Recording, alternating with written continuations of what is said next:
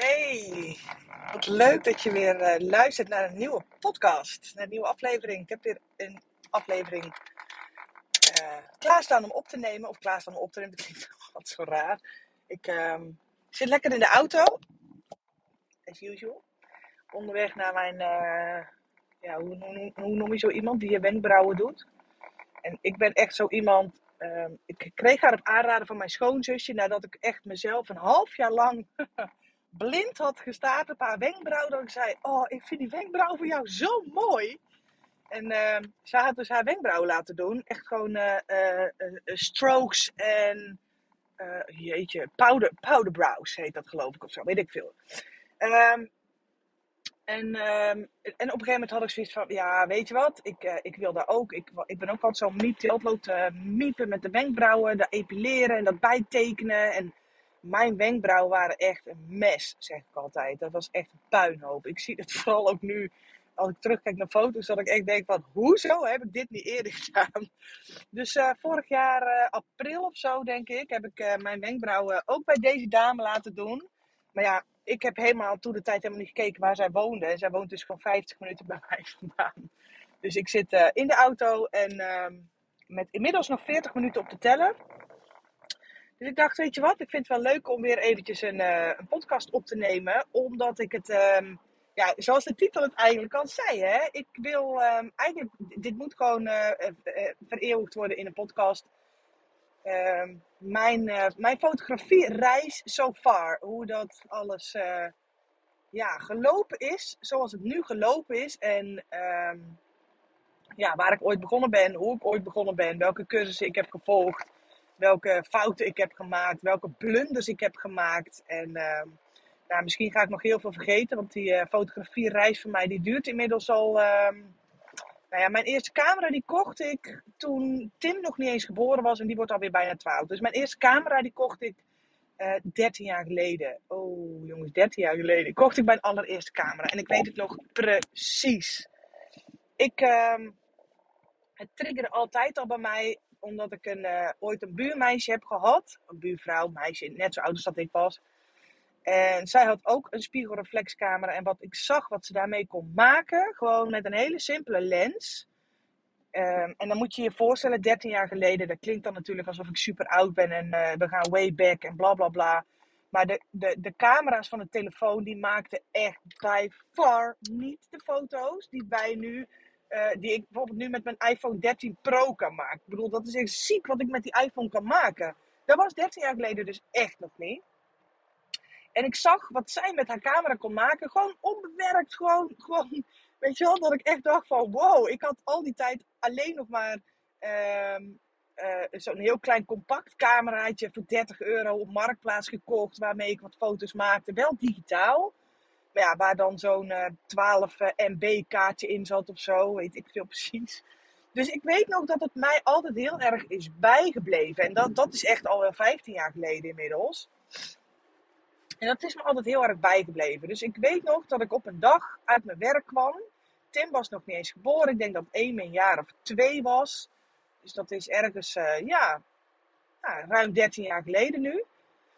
Dat ik uit mijn werk kwam en ik ging Amy, eh, mijn oudste dochter, ophalen bij mijn moeder. En ik zei tegen haar, ik ga heel even eh, naar Den Bosch. Om, ik had in mijn hoofd om een camera te gaan kopen. Gewoon ineens, patboom. Mijn loon was gestort. En ik voelde me, weet ik veel, de koning te rijk, denk ik heb geen idee. Maar ik weet ook dat het een hele impulsieve actie was. En ik ben naar de, hoe heet die toko ook alweer, joh? Niet een mediamarkt, maar een, ehm de Harense Smit of zo, weet je wel. Zo'n achtige, zo'n achtige winkel. En ik ben daar naar binnen gestapt en daar was de, deze de eerste camera die ik kocht, die was daar, was daar in de aanbieding, volgens mij uit mijn hoofd 400 euro. Camera inclusief lens en wist ik veel waar ik op moest letten. Ik, eh, ja, doe, doe mij die maar, is geloof ik wat ik toen de tijd heb gezegd. Dus ik heb die camera toen gekocht, nou, 13 jaar geleden. En ik, eh, ik weet nog dat ik eh, mijn eerste foto's daarmee maakte. En dat ik echt dacht van... Zo, dat valt echt vies tegen dit. dit eh, oké, die stomme flitserwiel dat omhoog gaat. En ik, ik, ik, ik, wist echt, ik fotografeerde natuurlijk uiteraard, ja, tenminste, ik vind het logisch, echt nog jarenlang heb ik op de, op de, op de automatische stand gefotografeerd. Ik wist echt niet wat ik deed. Maar goed, dat is wel interessant, want ik denk dat we bijna allemaal wel zo beginnen. En mijn doel was gewoon, ja, ik wil gewoon wat mooiere foto's maken van, mijn, van, van Amy toen de tijd. Um, en op een of andere manier, zelfs op de automatische stand, zonder enige kennis, weet ik nog dat die foto's er best wel oké uitzagen. Dat ik al wel op een of andere manier best wel visueel was ingesteld en echt goed in plaatjes kon denken. En um, ja, ik heb toen de tijd van mijn buurvrouw ook wel de basisbegrippen, basisdingetjes uh, van Photoshop geleerd. Dus ik wist al wel een beetje hoe ik snotneusjes weg moest halen. En, maar goed, verder echt nog heel erg bleu hoor. Stel je hier absoluut niet te veel bij voor. Uh, maar goed, toen, in uh, oktober dat jaar, raakte ik zwanger van Tim. En uh, ik weet nog dat de zus van een toenmalige vriendin ongeveer tegelijkertijd met mij uh, een camera had gekocht. En zij heeft toen de tijd wat zwangerschapsfoto's gemaakt. En die bewerkte ik dan zelf. En ah, gewoon heel basic hoor.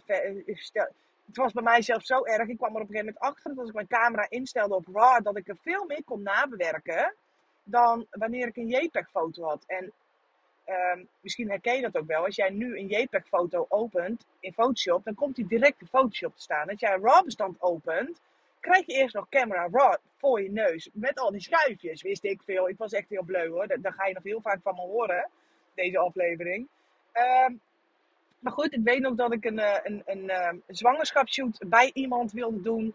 Die vond ik toen de tijd via Facebook. En ook, dit is ook weer zoiets, hè, dan hebben we het over 13 jaar geleden. Het aanbod fotografen was het toen echt nog niet hoor. Niet wat je nu hebt. Nu, uh, ik denk dat iedereen wel een fotograaf kent. En dat was toen de tijd gewoon echt nog niet.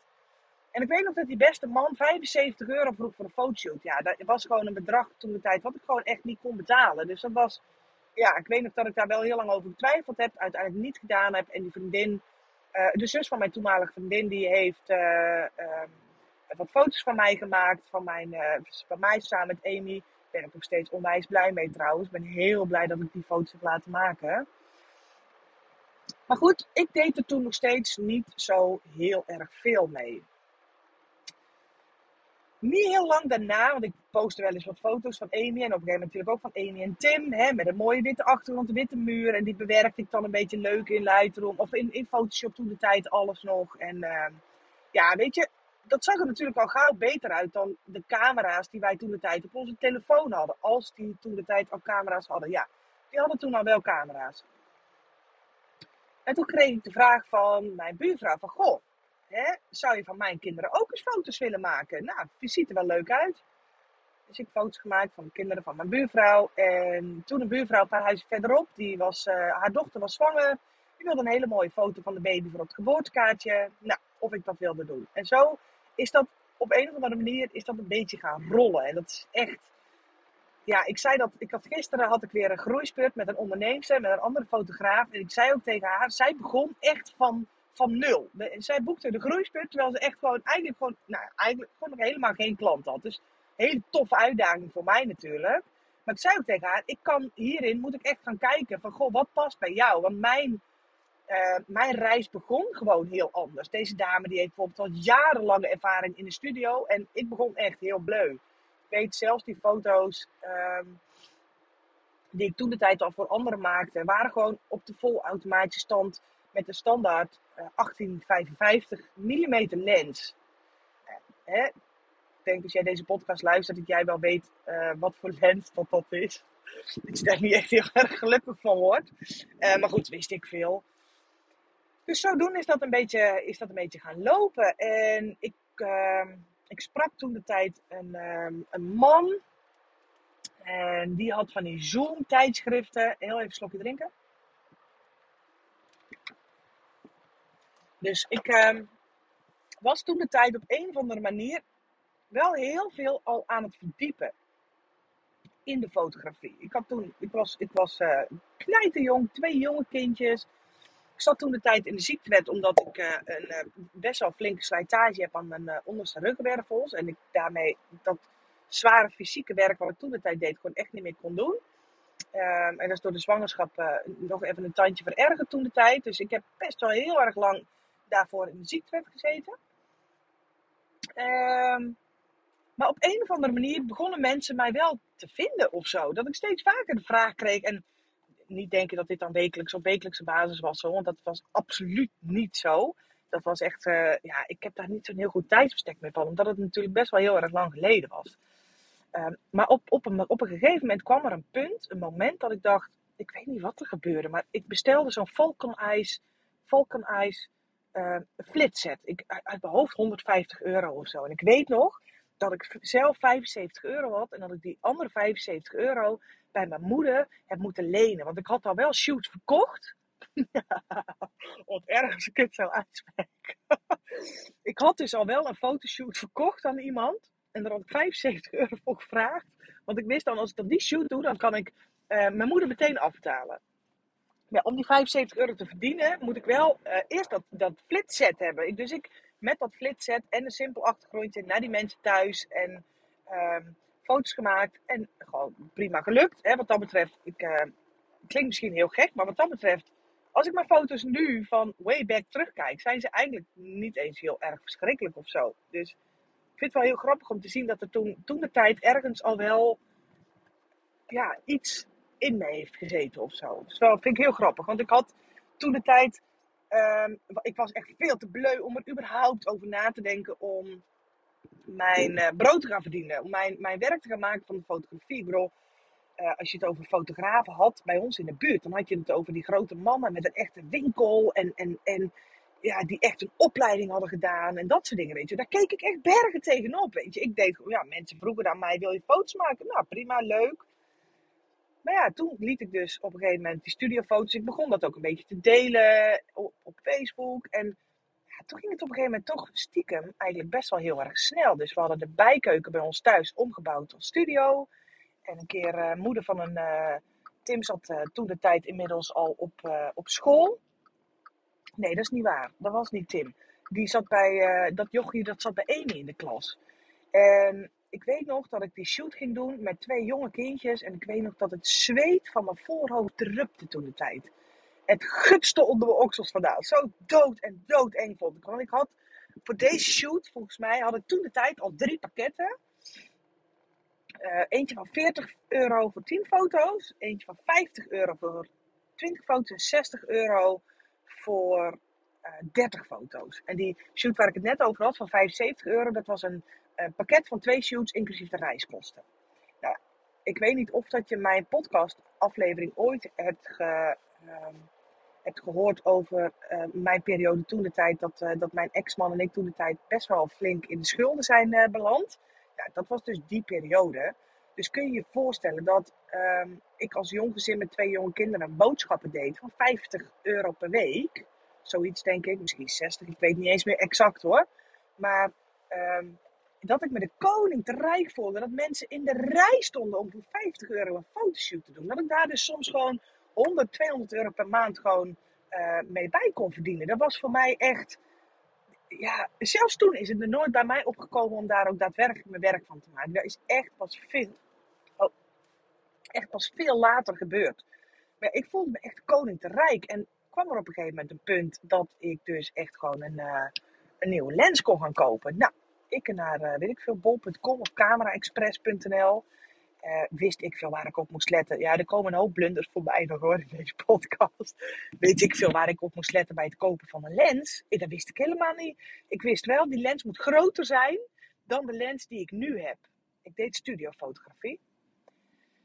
En ik had een 1855 mm, nog steeds. Um, en uiteindelijk werd er bij mij thuis een statief bezorgd. Wist ik veel. Ergens dacht ik dat je studiofotografie vanaf een statief moest doen. Dus ik had een statief gekocht en een nieuwe lens.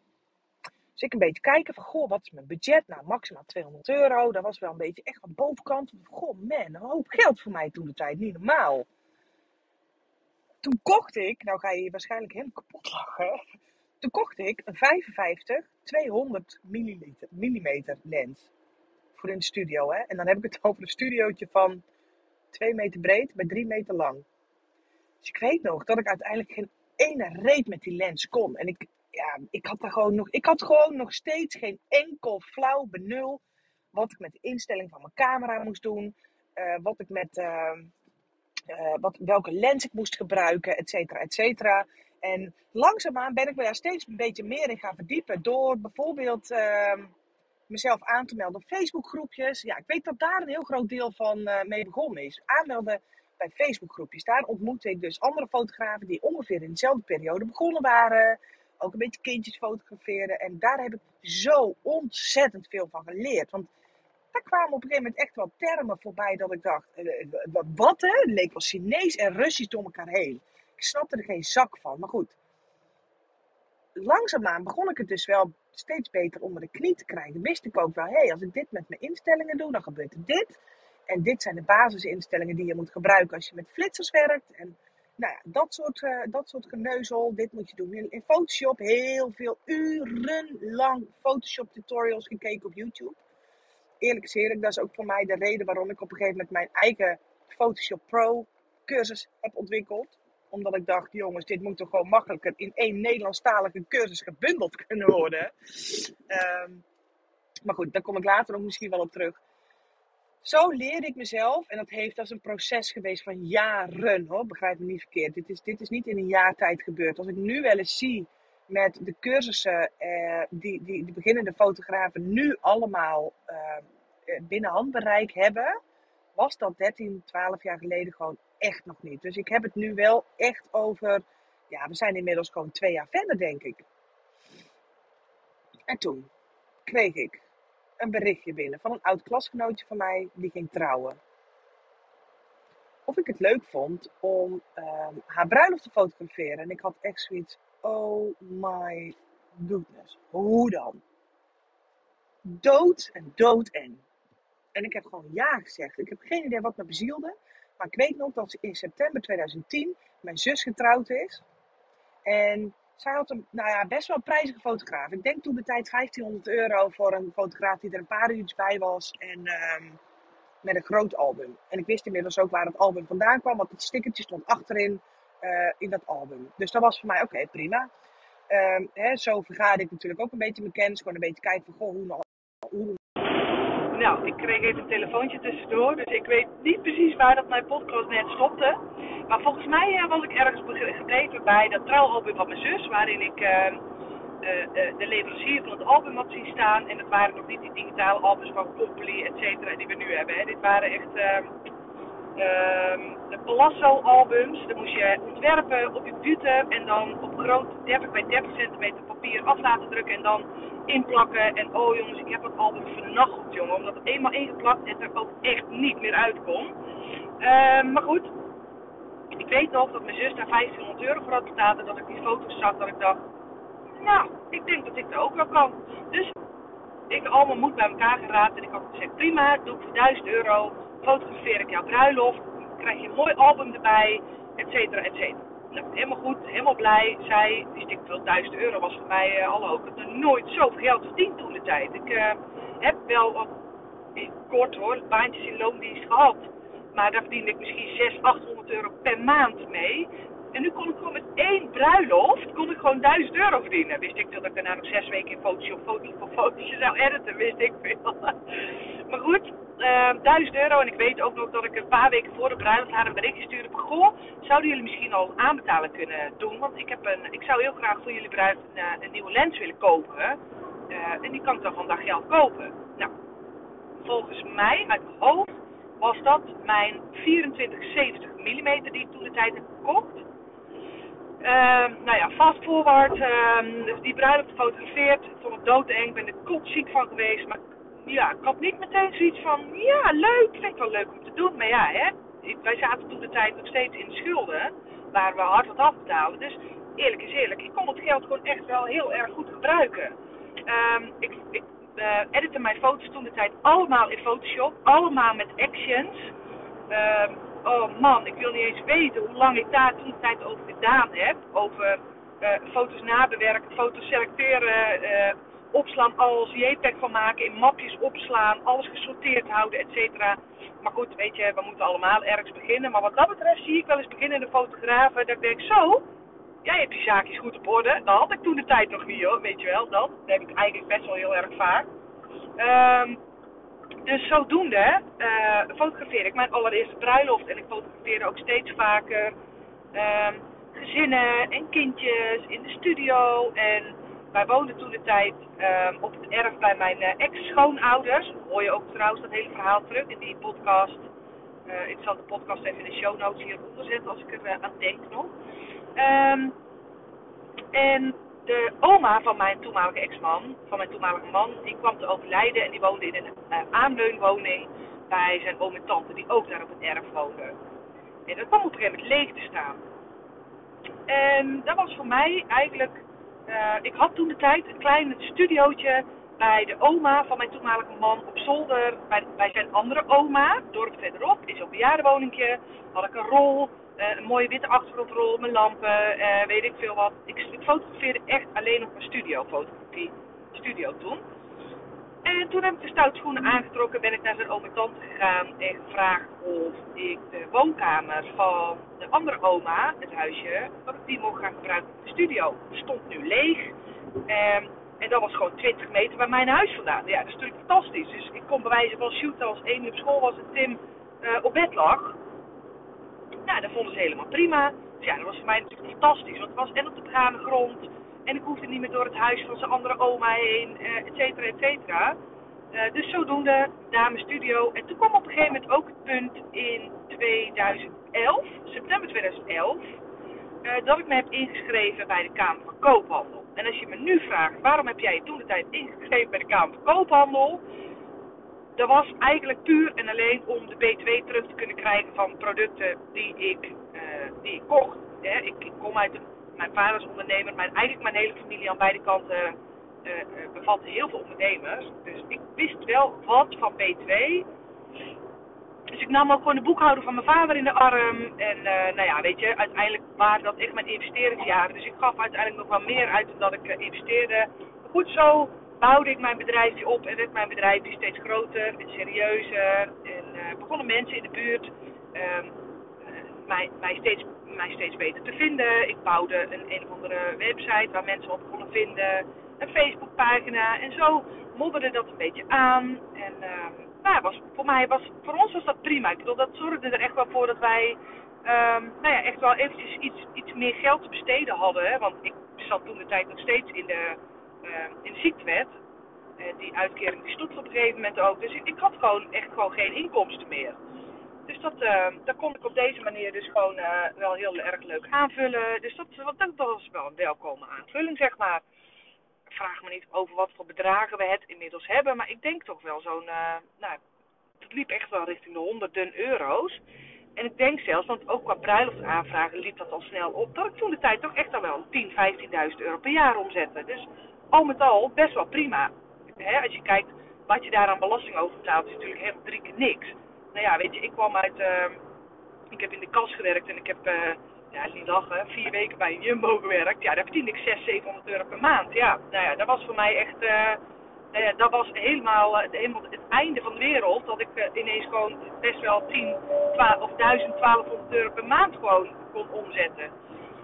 Nou ja, en toen op een gegeven moment, mijn relatie, mijn huwelijk liep stuk. Ik moet heel even kijken over wat voor tijdsbestek we het hebben.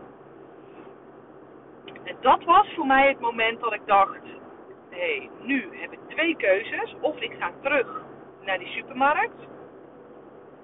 Dan moet ik mijn eigen echt helemaal de tandjes in gaan werken. Om het, hè, niet alleen qua uh, fysiek werk, maar ook qua uren, qua oppas, qua alles. Uh, niet flexibel, et cetera, et cetera. Met een zeer mager loontje om mijn, mezelf en de kinderen te kunnen uh, onderhouden. Neem even een slokje drinken. Uh, ik moest hals over kop op zoek naar een, uh, naar een ander huis. Ik kwam uit bij een huis.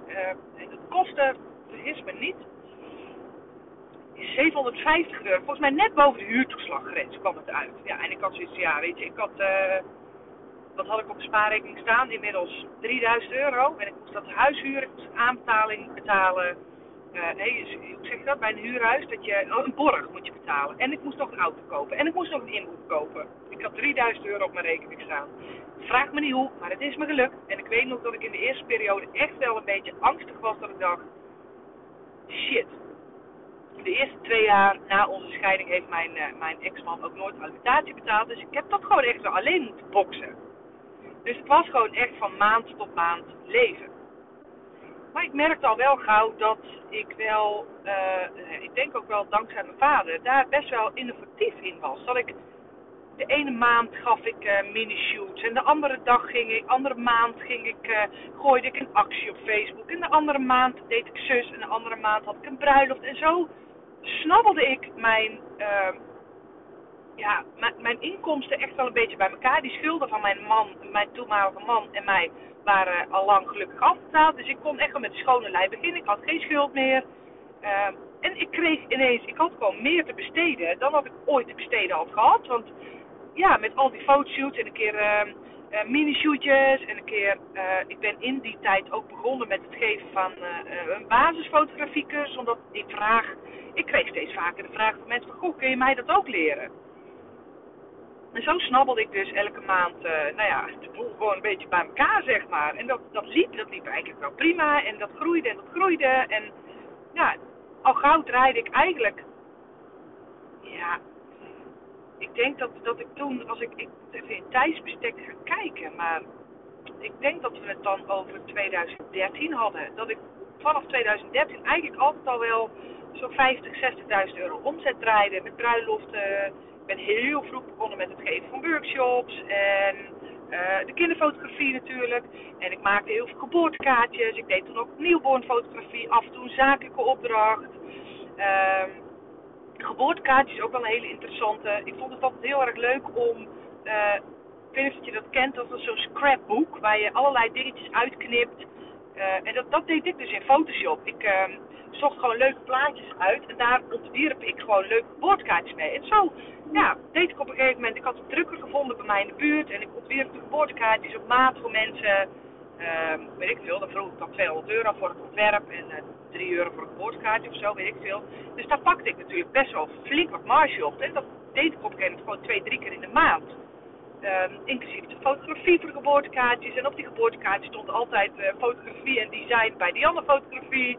Ja, weet je, dat zijn echt wel van die dingen dat je denkt, zo knetters. Dat zijn echt gewoon, uh, soms gewoon duizend geboortekaartjes per maand die verstuurd gingen worden met mijn naam daarachterop. Dus dat is natuurlijk ook wel weer een hele leuke reclame geweest.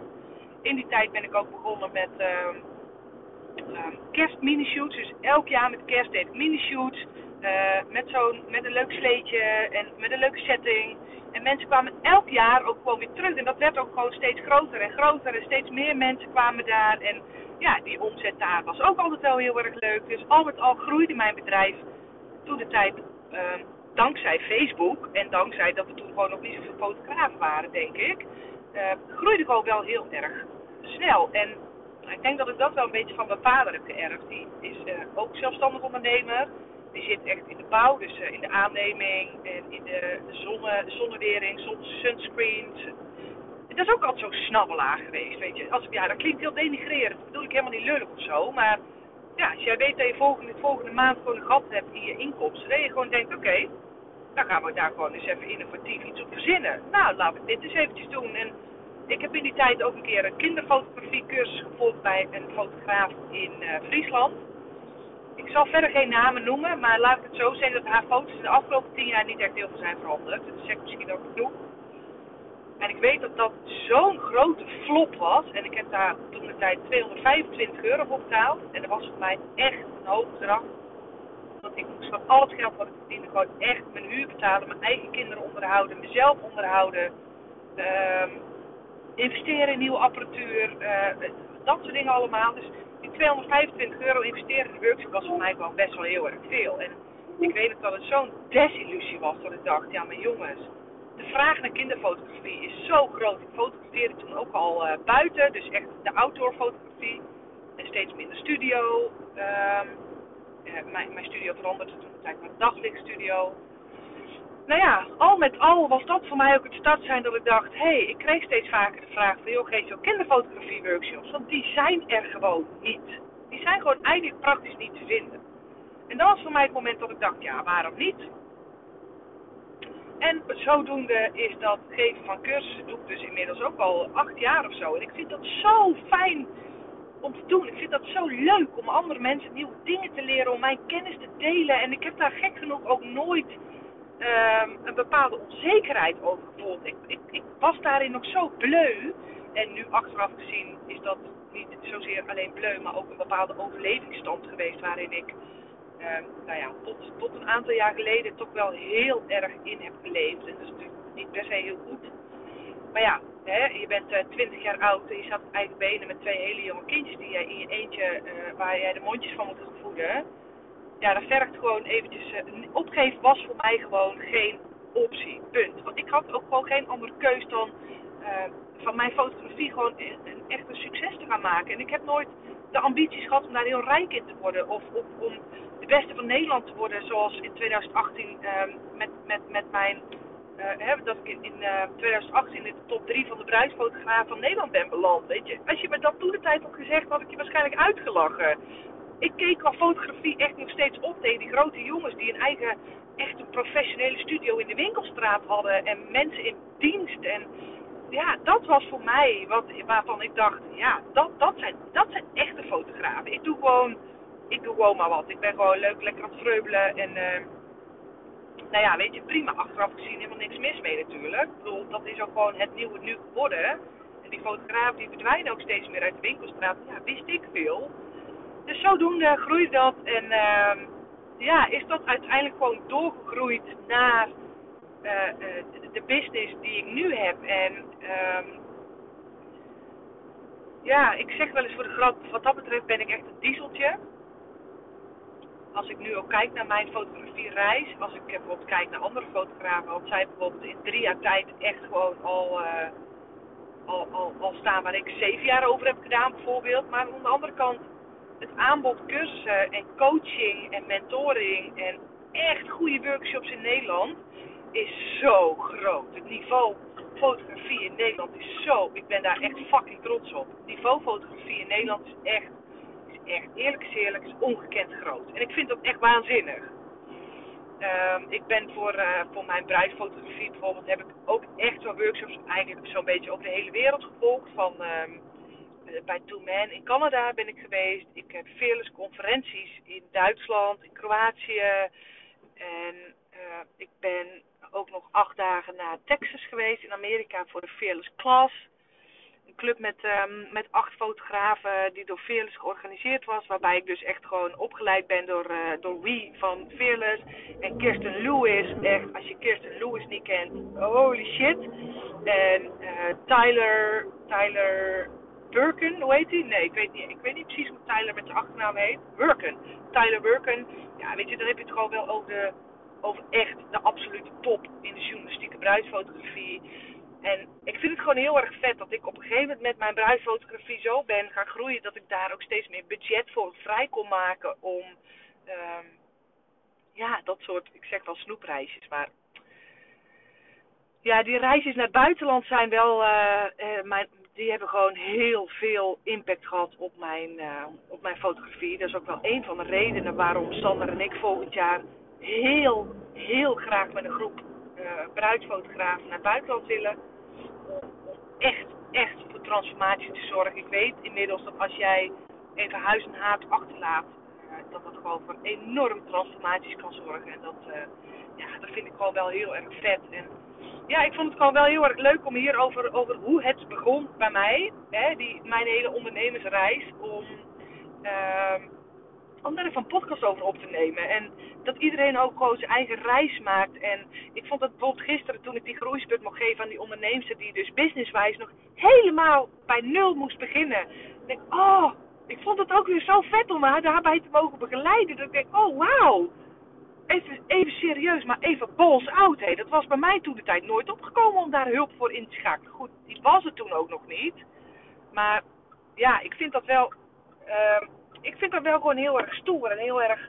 Uh, ja, echt gewoon wel heel erg vet dat zij, um, dat ik haar daarmee mocht, mee mocht helpen. Even kijken, want ik zit hier mezelf levensgevaarlijk grandioos klem te zetten op de weg. Dus weet je, dat was echt, dat was waarom ik dacht, hé, hey, ik ga daar die podcast zelf opnemen. Wat interessant om te zien uh, hoe dat iedereen op zijn eigen manier ook begint. En hoe dat je daarin groeit. En dat je alles um, ook op je eigen tijd doet. Dat zei ze ook tegen mij. Ik snap niet waarom ik niet eerder bij je heb aangeklopt. Zei ze aan het eind van een groeisput. En ik zei ook tegen ja, ik, zeg, ik geloof echt dat je alles um, op, op je eigen tijd doet. En dat is ook oké, weet je wel. Als jij er nog niet klaar voor bent, ben jij nog niet klaar voor. En dat, dat wil ik ook aan jou meegeven. Dat misschien vind je het niet snel genoeg gaan. En misschien denk je van, oh, anderen gaan altijd sneller. Maar stop alsjeblieft met kijken naar hoe anderen het doen. En ga eens kijken naar de reis die jij tot nu toe al hebt afgelegd. En als ik dat dan van mezelf zo in kaart breng, dan denk ik... Holy kanonnen, wat heb ik in twaalf jaar tijd veel meegemaakt. Van uh, after wedding shoots in Lapland en Bali tot bruiloften in Frankrijk en Oostenrijk. En workshops in Canada en um, in, in Amerika en in Kroatië. En gewoon alleen dat, dat ik dankzij dat soort dingen al, al zoveel van de wereld heb mogen zien. En nou ja, niet vergeten natuurlijk dat ik mijn, um, dat ik mijn vriend heb leren kennen door, mijn, door de fotografie. Dat we elkaar, hè, hij is ook fotograaf, dat we elkaar volgen op social media. En hoe dat, dat dan weer ontstaan is. Dat, de fotografie heeft mij zo onwijs veel moois gebracht. Zoveel de meeste mensen die ik nu nog in mijn leven om me heen heb, zoals mijn vriendinnen, die hebben allemaal iets met mijn fotografie te maken. Of um, um, een vriendin is cursist bij mij geweest. Een andere vriendin heb ik leren kennen tijdens uh, de Full Monty workshop. Een andere vriendin heb ik haar bruiloft weer van gefotografeerd. Ja, weet je, dat zijn van die fantastische dingen. En probeer het voor jezelf eens in kaart te brengen. Van hé, hey, misschien gaat het niet snel genoeg. Maar kijk eens waar je vandaan en kijk eens waar je nu staat. En kijk eens hoe mooi die reis geweest is. En wat heeft de fotografie voor jou al mogen betekenen? Wat heeft het jou allemaal al gebracht? En ja, was voor mij wel weer een mooi momentje om daar even bij stil te staan. Dat ik denk, holy shit, ik ben daar wel heel dankbaar voor. Want ik woon in een onwijs fijn huis die ik met mijn fotografie heb kunnen realiseren. En ik, ik uh, ja, gewoon de kleinste dingetjes, weet je wel. Ik leef mijn leven gewoon, gewoon helemaal als zelfstandig ondernemer. Gewoon um, ja, ja ik, ik, ik, ben daar gewoon wel heel erg blij en dankbaar voor. Wat we, wat we, Sander en ik, met onze fotografie voor elkaar hebben weten te boksen. En um, ja, dat dat, dat dat niet niks is, zeg maar. En dat uh, wil ik jou ook even meegeven. Daarom dacht ik, het is wel leuk die podcast er even over op te nemen. Uh, breng het voor jezelf de grapjes in kaart. Wat heeft de fotografie gebracht? En ja, vergelijk je jezelf met anderen of vergelijk je jezelf met hoe het ooit begon. En ga dan eens kijken hoe ver dat je bent. Had je ooit kunnen denken dat je zou staan waar je nu staat. En maakt me niet uit of dat je echt een, een doorgewinterde professional al bent. Of dat je um, ook nog maar net begonnen bent. En, en soms wel eens denkt van, oh, al die anderen die doen het veel beter. Die zijn veel duurder, hun foto's zijn mooier. Die hebben veel meer werk-privé-balans. Echt niet. Kijk eens gewoon naar, de, naar, de, naar je eigen reis die jij hebt afgelegd. Echt. Ik uh, ben aangekomen op uh, bestemming, dus ik ga mijn podcast nu even lekker afsluiten. En ja, ik ben heel erg benieuwd of je naar aanleiding van deze podcast wat herkenbare punten eruit haalt voor jezelf. Dat je denkt, oh ja, zo begon ik ook. Of weet je wel, of dat je um, misschien hieruit inspiratie krijgt om op je eigen social media eens een korte post te schrijven voor je eigen volgers. Om met jouw volgers te delen van, goh zo begon het. Weet je hoe mijn fotografiereis begon? Weet je welke blunders ik gemaakt heb? Weet je, um, ja, allemaal, weet je, haal hier gewoon je, je, inspiratie ook uit om dit ook weer met jouw volgers en met jouw uh, klanten en met jouw fans en whatever, hoe je het ook noemt, om dat eens allemaal te delen. En het lijkt me heel erg leuk als je mij daar dan in tagt, zodat ik het ook kan lezen. Want ik vind het onwijs vet om te zien uh, hoe dat iedereen begint en, en, en hoe dingen ontstaan en wat voor reis dat je hebt afgelegd. En vind ik heel erg leuk. Dus uh, laat het me ook gerust eventjes weten. Dankjewel weer voor het luisteren. En uh, tot de volgende podcast. Doei doei.